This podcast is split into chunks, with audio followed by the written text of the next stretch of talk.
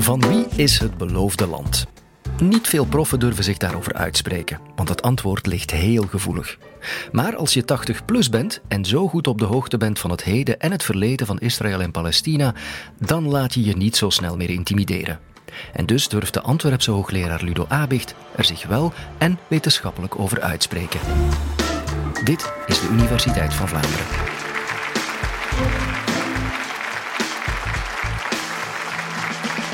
Het land dat dus Israël is en de Palestijnse gebieden noemen we ook het heilig land of beloofde land. Aan wie beloofd? Van wie? Wie mag dat hebben? Uh, daarover kun je op vier manieren, denk ik, een antwoord geven. Eerst en vooral vanuit de Bijbel, hè, mythologisch. Dan vanuit de geschiedenis. Dan, als je wil, vanuit de politiek. Maar vooral vanuit de ethiek, de moraal. Ik ga proberen op die vier een antwoord te geven. Als je het louter Bijbels neemt, dan kijk je, lees de Bijbel. En de Bijbel zegt dus, de Bijbel is niet de christelijke Bijbel die daar staat, maar wat, uh, een Bijbel, dus Joods-christelijke Bijbel, die zegt dat 3000 jaar geleden ongeveer Yahweh, dus de enige ware God, uh, anderhalve goden waren afgoden, het land beloofd heeft aan zijn uitverkoren volk, namelijk de Joden. En um, hoe groot dat land moest zijn, dat is niet duidelijk. In de Bijbel staan er zeker zes verschillende maten. Beginnen met een grootte van een voetbalveld voor een begraafplaats. En dat gaat zo door tot heel het Midden-Oosten. Oké. En uh, je kan dus zelf kiezen. Over die grootte is er een discussie.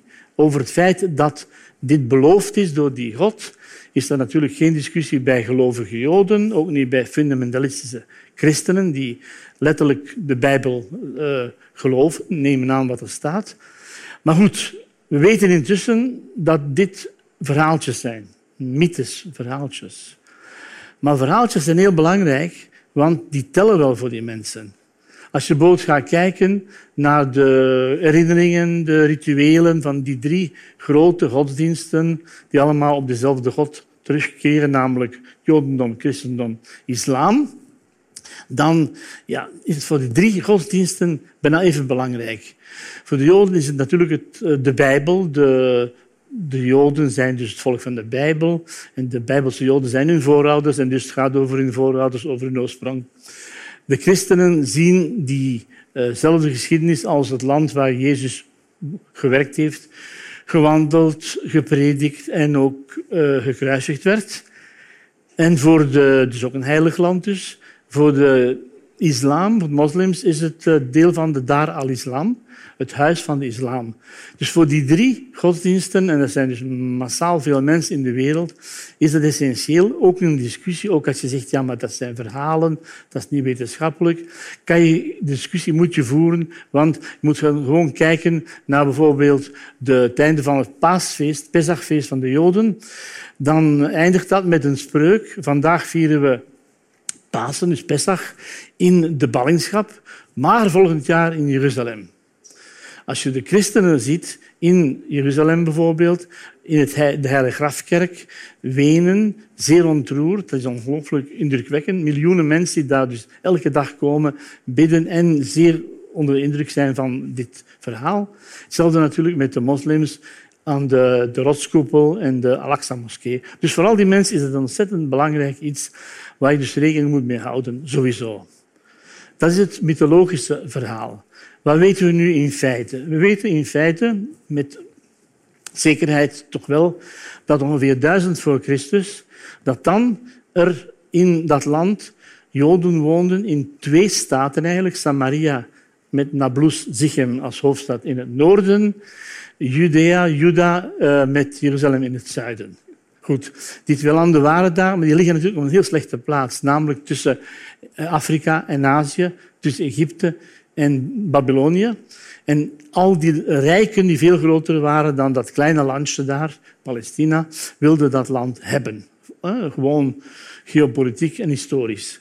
Dus wat is er gebeurd? In de zesde eeuw, na lange pogingen, werden de Joden, werd Israël, de twee landen, Samaria en Judea, verslagen door de Babyloniërs. In de vierde eeuw komen de Grieken aan met Alexander de Grote, nemen het land in. Ze blijven daar praktisch tot in de eerste eeuw voor Christus. En dan zijn de Romeinen de grote vijanden van de, van de Grieken en zij nemen het over. De heersers van Babylon hebben ongeveer 1200, ik weet niet precies, de elite van de Joodse gemeenschap van toen meegenomen, gedeporteerd naar Babylon. En ze laten terugkeren pas aan het einde van de zesde eeuw.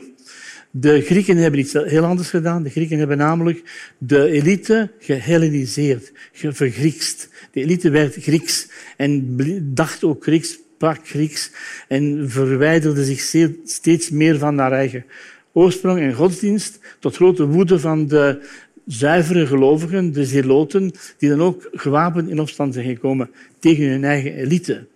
Toen de Romeinen kwamen, was het simpel. Romeinen houden niet van te veel tralala. Ze hebben gewoon gezegd, voilà, dat is een deel van het Romeinse Rijk. En we gaan hier alles invoeren, zoals ze bij ons gedaan hebben trouwens. De wetten, de wegen, de, de, de hele cultuur wordt Romeins.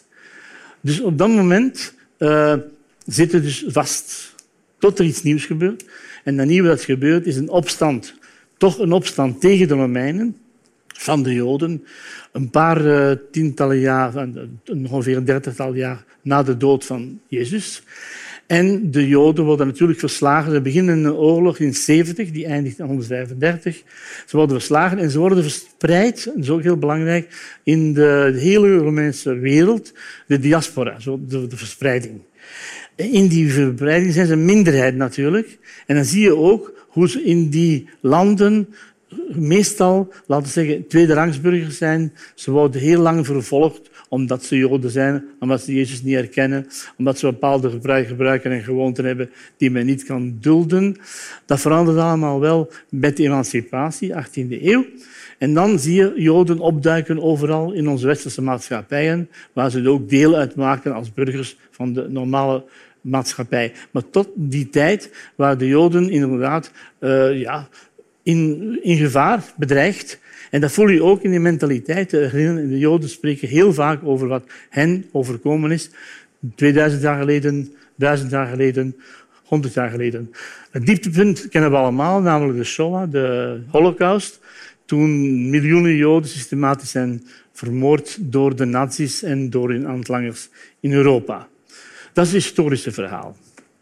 Politiek wordt interessant voor ons wanneer de Joden inderdaad geëmancipeerd worden en de Joden kunnen gewoon burger zijn in het jonge Amerika, het jonge Frankrijk, dus na de revolutie en overal dan stilaan in de wereld. En waar ze dus plotseling deel uitmaken van de maatschappij. Ze kunnen alles doen wat ze willen. Ze kunnen uh, premier worden, ze kunnen uh, generaal worden, ze kunnen prof worden, ze kunnen alles worden wat ze willen en kunnen. En dan krijgen ze meteen ook, laten we zeggen, uh, dezelfde mentaliteit als de omringende niet-Joodse wereld. Ze beginnen ook te zeggen, wacht even, al die landen streven naar autonomie, al die landen streven naar een of andere vorm van zelfbestuur. Waarom wij Joden niet? En dan ontstaat er dus met die emancipatie iets dat heet de Vrienden van Zion. Zion is een andere naam voor het oude Jeruzalem, het oude Israël. En die Vrienden van Zion beginnen zich te organiseren. Ze doen dat zeer handig op twee manieren. Ze beginnen geld te verzamelen, want ze moeten, dat het kost enorm veel. En dat zullen ze ook doen, een fonds oprichten, dat nog altijd bestaat trouwens. En ze gaan ook tegelijkertijd, als ze daar dan al zijn, beginnen ze tegen uh, regeringen op te richten. Een universiteit, een vakbond, banken, ministeries, allemaal onder de radar van de toenmalige Turkse macht. Dat lukt wonderwel, want ze beginnen een onderneming in 1897 en 50 jaar later, in 1947, 48 dan, krijgen ze eerst de, uh, van de Verenigde Naties het recht op een eigen staat. En in 1948 komt er dan een eigen staat. Voor hen is dat in feite het einde van een droom of het begin van een nieuwe wereld, namelijk een wereld waarin de Joden niet meer zullen vervolgd worden, waar er geen holocaust meer kan zijn. Een never again, een wereld waar de Joden eindelijk zichzelf kunnen zijn zoals andere volkeren. En dan moet je kijken naar de andere kant. De Arabieren die daar woonden, de meerderheid van die mensen, dat waren Druzen, dat waren moslims, dat waren christelijke Arabieren, dat waren Bedouinen. Die zien het natuurlijk helemaal anders. Wat zien die? die zien daar plotseling opnieuw voor de zoveelste keer westerlingen komen van over het water met veel wapens en veel geld en veel macht, namelijk de kruisvaarders. Zij zien kruisvaarders komen. Zij zien langzamerhand hoe terwijl de Joden hun staat bouwen, zij de Palestijnen uit hun huizen en hun dorpen verdreven worden en moeten vluchten over de grens. Of als ze blijven, verliezen ze hun land en zien hoe dat land langzaamaan, hoe hun hele land, hun cultuur, 900 jaar moslimcultuur, langzaamaan van de kaart geveegd wordt. Dus is daar duidelijk een serieuze spanning, namelijk van wie is dat land nu? Die Nakba betekent dus catastrofe. Het woord dat de Joden hadden gebruikt voor de Holocaust is Shoah. En dat betekent ook catastrofe. Dus catastrofe aan beide kanten. En een padstelling. Van wie is dat land nu? Wie heeft nu recht op dat land? En dus zowel, je kan niet meer zeggen, mythes goed, dat is heel mooi, maar mythes kan je niet gebruiken als een argument om recht te hebben op iemands land of, je eigen land. Uh, je kan ook niet zeggen dat de geschiedenis, ja, je weet hoe de geschiedenis kan verdraaid worden. Iedereen heeft dus een eigen versie van de geschiedenis. Of je kan samenkomen, zoals het tegenwoordig gebeurt tussen Frankrijk en Duitsland, een beetje laat, maar het gebeurt nu toch, dat historici samenkomen en wetenschappelijk zeggen, voilà, we zijn het eens over die en die punten. Je kan het ook politiek misschien. Politiek is interessant. Politiek betekent dat je nog kan veranderen, de omstandigheden veranderen, de situatie veranderen, krachtsverhoudingen veranderen. Tot nu toe hebben natuurlijk de Israëli's, de Joden en de Zionisten dus, hadden alles voor zich, namelijk eh, financieel, economisch, militair, technisch, diplomatiek. Enfin, goed, ze de, vooral na de oorlog natuurlijk de sympathie van de hele wereld, en ook terecht. En de anderen kwamen er bekaaid vanaf. Maar de situatie is dus nog politiek, nog historisch, nog religieus. Ga je het oplossen? En dan komt het laatste verhaal, het moeilijkste verhaal, het verhaal van het ethische, morele verhaal, het emotionele verhaal. En dan zie je hoe moeilijk het wordt. Je kan dus ja, praten met mensen die zeggen, wacht eventjes. Wij Joden zijn duizenden jaren vervolgd geweest. Wij Joden zijn onderdrukt geweest. Wij Joden zijn geminoriseerd, gediscrimineerd geweest. En al dat is waar. En wij Joden zijn bijna uitgeroeid enzovoort. En dus, het woordje dus is belangrijk, hebben wij recht op een eigen staat. Uw staat. Andere woorden, we hebben recht op een staat en wij nemen die staat waar we kunnen, namelijk waar we vroeger gewoond hebben en verjaagd zijn. De Palestijnse leiding en de Palestijnse schrijvers zeggen, ja, oké, natuurlijk die holocaust. Natuurlijk dat lijden van de Joden. Daar moeten we ook iets over zeggen. En dat moeten we ook weten en begrijpen. Maar dat is geen argument, zeggen de Palestijnen, om te zeggen dat je nu plotseling ons land kan nemen, ons kan verjagen met die Nakba, dat je ons kan uh, permanent bezetten. En dus wat krijg je? Twee morele, twee emotionele verhalen tegen elkaar en dat gaat niet meer over geschiedenis, dat gaat niet meer over godsdienst en zo. De meesten zijn niet zo religieus, van, uh, zeker niet aan de kant van de Israëli's. En dat gaat over ja, herinnering, emoties en ethische rechten. En dat brengt mij in feite tot mijn laatste punt, de vraag die we gezien hebben van wie is het beloofde land. Ik kan daar alleen maar voorwaardelijk op antwoorden. Namelijk, het land is van iedereen die daar woont, op voorwaarde dat men de rechten en verzuchtingen van alle anderen die daar wonen respecteert. Vond je het boeiend en wil je nog meer horen? Abonneer je dan op onze podcast. En als je ook van beeld houdt, alle podcastcolleges zijn ook te bekijken op universiteitvandvlaanderen.be.